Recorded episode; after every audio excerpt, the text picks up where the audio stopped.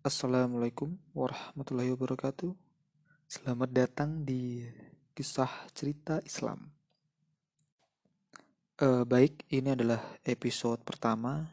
Di episode ini saya akan menceritakan tentang panutan dan junjungan kita. Dari situlah kita semua belajar tentang hukum halal haram. Dari situlah kita belajar dan mengenal tentang agama Islam. Saya akan menceritakan tentang kisah hidup Nabi Muhammad Shallallahu Alaihi Wasallam.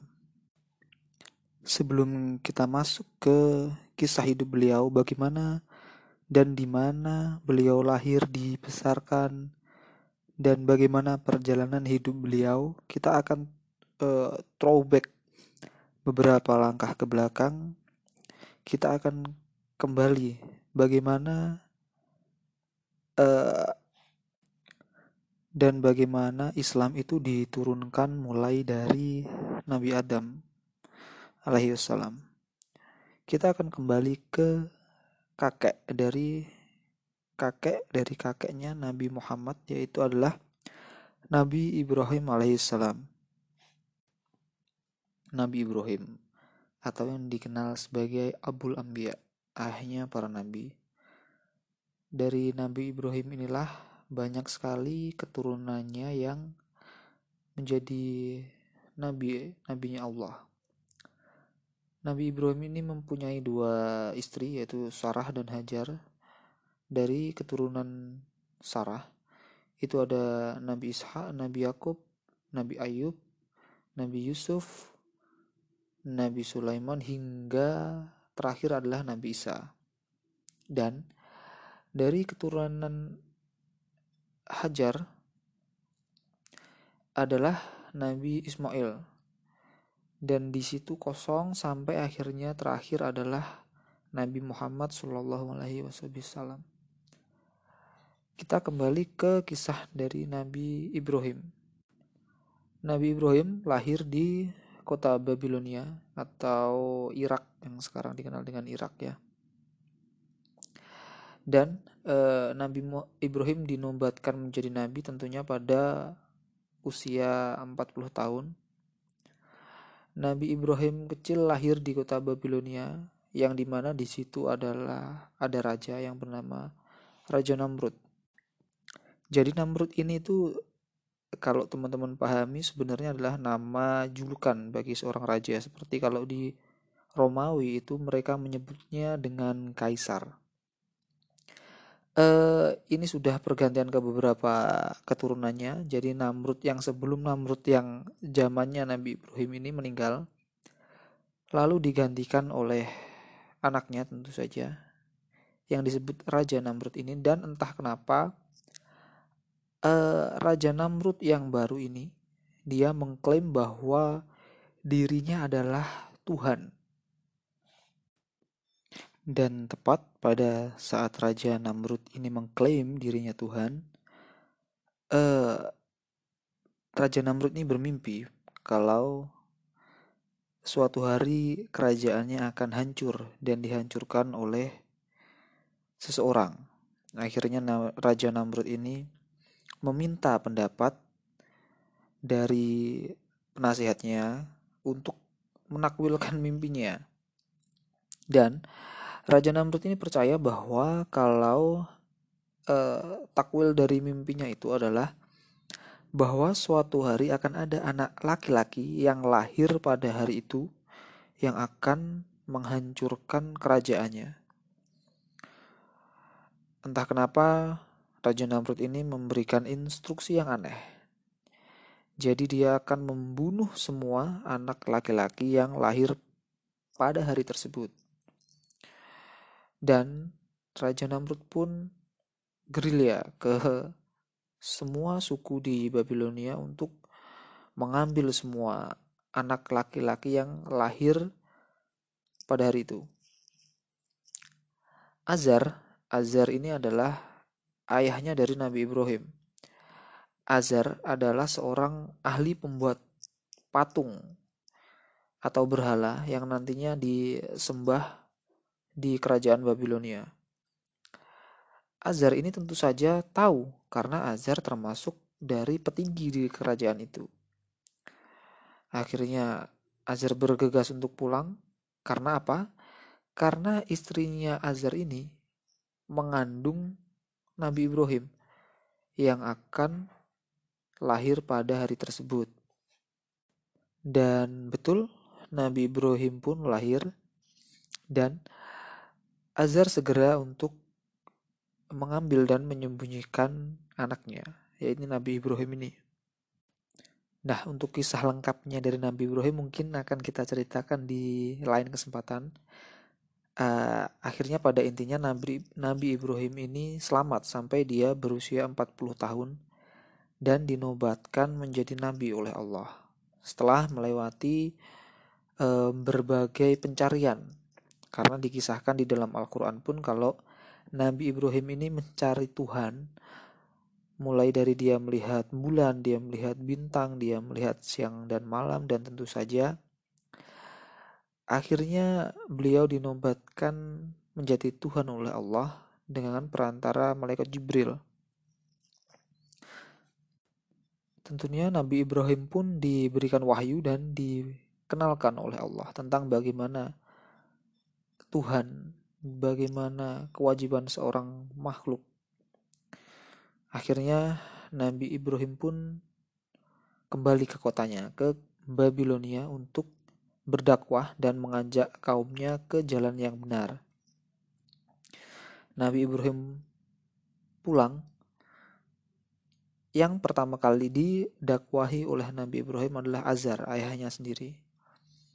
Tetapi karena memang agama mereka atau penyembahan berhala mereka ini sudah turun temurun ya agak sedikit sulit kemungkinan bagi Nabi Ibrahim.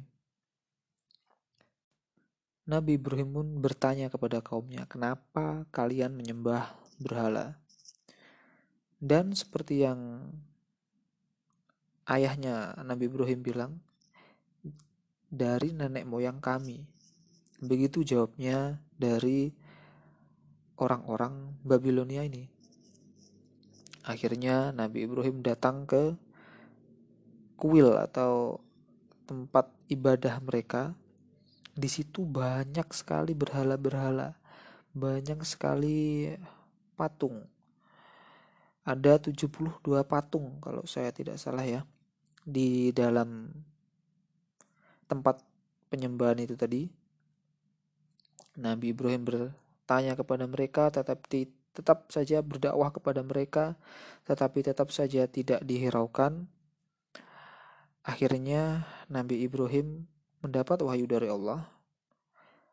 Nabi Ibrahim masuk ke kuil itu tadi dan Nabi Ibrahim pun berteriak dan bertanya. Bertanya kepada patung yang tentu saja tidak akan menjawab. Nabi Ibrahim bilang, kalau kalian benar-benar Tuhan, kalian pasti akan menghentikanku, kata Nabi Ibrahim. Jadi di tempat patung-patung itu ada semacam persembahan atau sesajen berupa buah dan segala macam hal. E, Nabi Ibrahim ambil buah itu sesajen itu lalu dilempar ke muka patung satu, tidak ada respon. Ambil lagi dilempar ke patung 2 sampai 72 patung. Tidak ada respon sama sekali karena tentu saja patung jadi tidak tidak mungkin akan membalas atau merespon. Dan dari situ Nabi Ibrahim mencoba menyadarkan masyarakat Babilonia bahwa e, memang ini semua itu patung bukan Tuhan. Jadi jangan disembah. Patung-patung itu pun tidak bisa berbuat apa-apa kalau kita zolimi karena ya yang membuat adalah kita sendiri kita yang membuat tangannya yang membuat mata hidungnya segala macam terus disembah begitu kata Nabi Ibrahim. Tetapi seperti dari awal masyarakat Babilonia ini tetap kekeh ya dia mereka jadi nggak tetap nggak mau menghiraukan Nabi Ibrahim karena ya sudah sudah turun temurun kan. Akhirnya Nabi Ibrahim bilang kalau Nabi Ibrahim akan menyadarkan mereka dan akan membuat tipu daya pada patung-patung kalian. Setelah malam menjelang, Nabi Ibrahim kembali lagi ke uh, tempat pemujaan itu tadi, tempat di mana ada berhala-berhala itu tadi. Nabi Ibrahim kembali ke sana dan di situ tentu saja ada satu penjaga kuil yang di mana dialah yang bertugas untuk membersihkan dan menaruh sesajen itu di depan patung ya. Jadi nggak sembarangan patung ini itu tidak semua orang boleh mendekati patung tersebut. Jadi hanya ada satu pendeta atau pengurus di situ yang boleh mendekati patung karena yaitu tadi uh, mungkin takut kualat, mungkin takut stroke atau mungkin langsung mati kalau mereka kurang ajar dengan Tuhan-Tuhan mereka ya, patung itu tadi. Akhirnya Nabi Ibrahim pun datang membawa kampak ke dalam kuil. Nabi Ibrahim hancurkan satu persatu patung, ada patung segala macam patung. Nabi Ibrahim hancurkan sampai disisakan satu patung, yaitu patungnya Raja Namrud. Jadi dari 72 patung itu ada satu yang paling besar, yang paling spektakuler yaitu uh, Namrud. Patungnya Namrud ini yang disembah juga, orangnya ada tapi ada patungnya dan disembah juga. Dan penjaga kuil pun tidak berani dia mau mencegah Nabi Ibrahim dalam menghancurkan patung. Karena apa? Ya itu tadi, karena takut kualat. Akhirnya Nabi Ibrahim hancurkan semua sampai sisa satu Akhirnya Nabi Ibrahim membawa uh, patung yang sudah dihancurkan, misalkan kepalanya dihancurkan, Nabi Ibrahim angkat kepalanya, Nabi Ibrahim taruh di pangkuan patungnya Raja Namrud. Nabi Ibrahim taruh di situ semua, pulang Nabi Ibrahim. Keesokan paginya, ada masyarakat yang mau menyembah lagi, kembali ke kuilnya itu, kaget mereka. Siapa yang berbuat seperti ini? Siapa yang berani melakukan hal seperti ini? Akhirnya raja, uh, raja maksudnya akhirnya si penjaga kuil maksud saya turun dari tempatnya itu tadi sambil gemeter dia bilang Ibrahim anak yang kemarin anak muda yang kemarin ke sini dialah yang menghancurkan patung-patung ini akhirnya masyarakat pun memanggil Ibrahim untuk datang ke kuil. Dipanggillah Ibrahim, Nabi Ibrahim datang dan ditanya, apa kamu yang menghancurkan kuil-kuil ini kata mereka. Nabi Ibrahim bilang, kenapa kalian tanya saya? Kalian tanya saja pada itu patung yang paling besar. Kepala-kepala patung yang kecil itu kan di situ. Kalian tanya saja.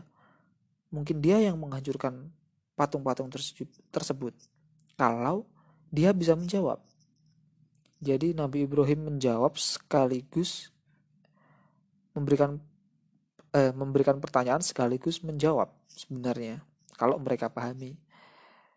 Nabi Ibrahim bilang kalau misalkan ini kamu anggap Tuhan, pastinya mereka bisa menjawab dari pertanyaan-pertanyaanmu. Dan tentu saja karena ini patung ya nggak bisa mereka menjawab. Patung ini menjawab. Akhirnya pada keesokan paginya Nabi Ibrahim dibawa ke tempatnya Raja Namrud. Nabi Ibrahim akan dibawa ke situ. Nabi Ibrahim bilang, kalian tidak usah membawa saya, saya akan datang sendiri ke sana. Nabi Ibrahim pun datang pagi-pagi. Jadi kalau pagi-pagi itu Raja Namrud sudah bersiap di singgasananya dan nanti semua orang akan sujud di situ. Dan meminta biasanya mereka meminta mungkin makanan meminta segala macam hal sama si Raja Namrud ini dikasih.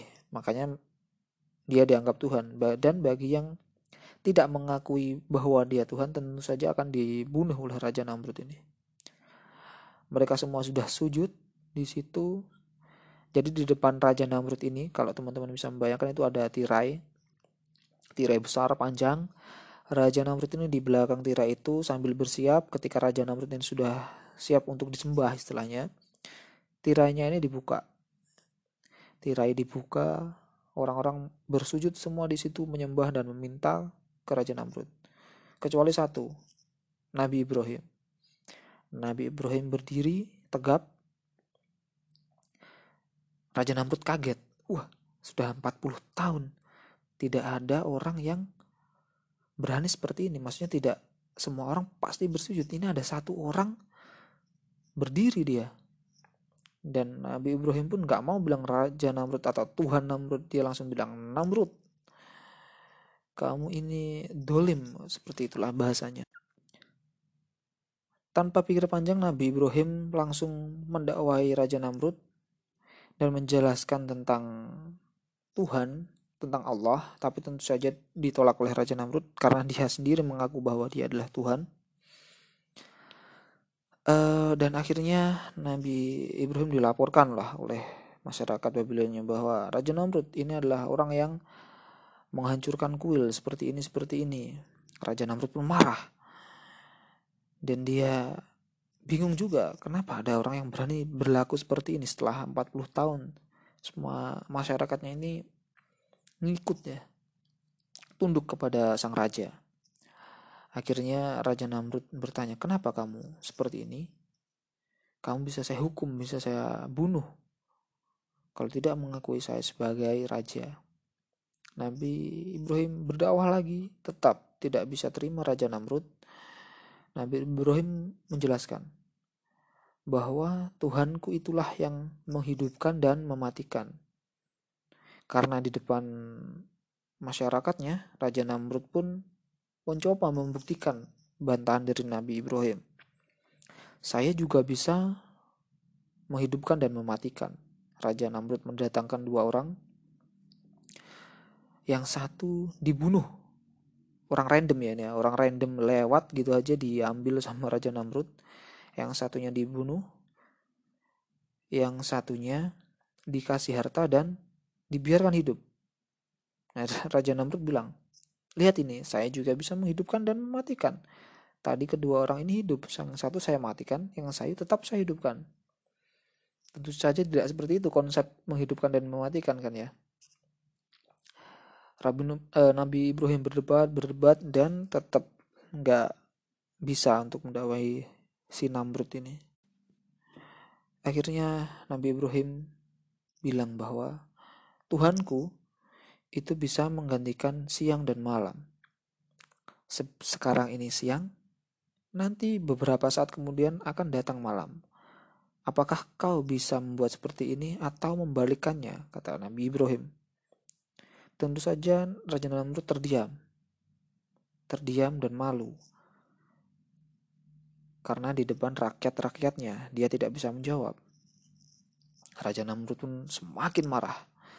Akhirnya si raja ini menangkap Nabi Ibrahim dan akan dieksekusi atau dibunuh. Karena pada zaman dahulu tidak ada HAM, hak asasi manusia, jadi ya seperti inilah raja. Seenak dia. Akhirnya Nabi Ibrahim dijadwalkan untuk dibunuh.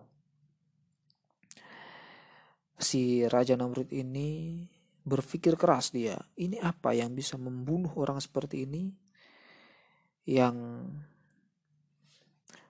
tidak tahu diri menurut Raja Namrud ya. Akhirnya Nabi eh, Raja Namrud ini mencari-cari ide, akhirnya ketemu satu ide Nabi Ibrahim akan dibakar dan pembakaran ini akan spektakuler karena uh, si Raja Namrud ini menyiapkan api yang sangat besar.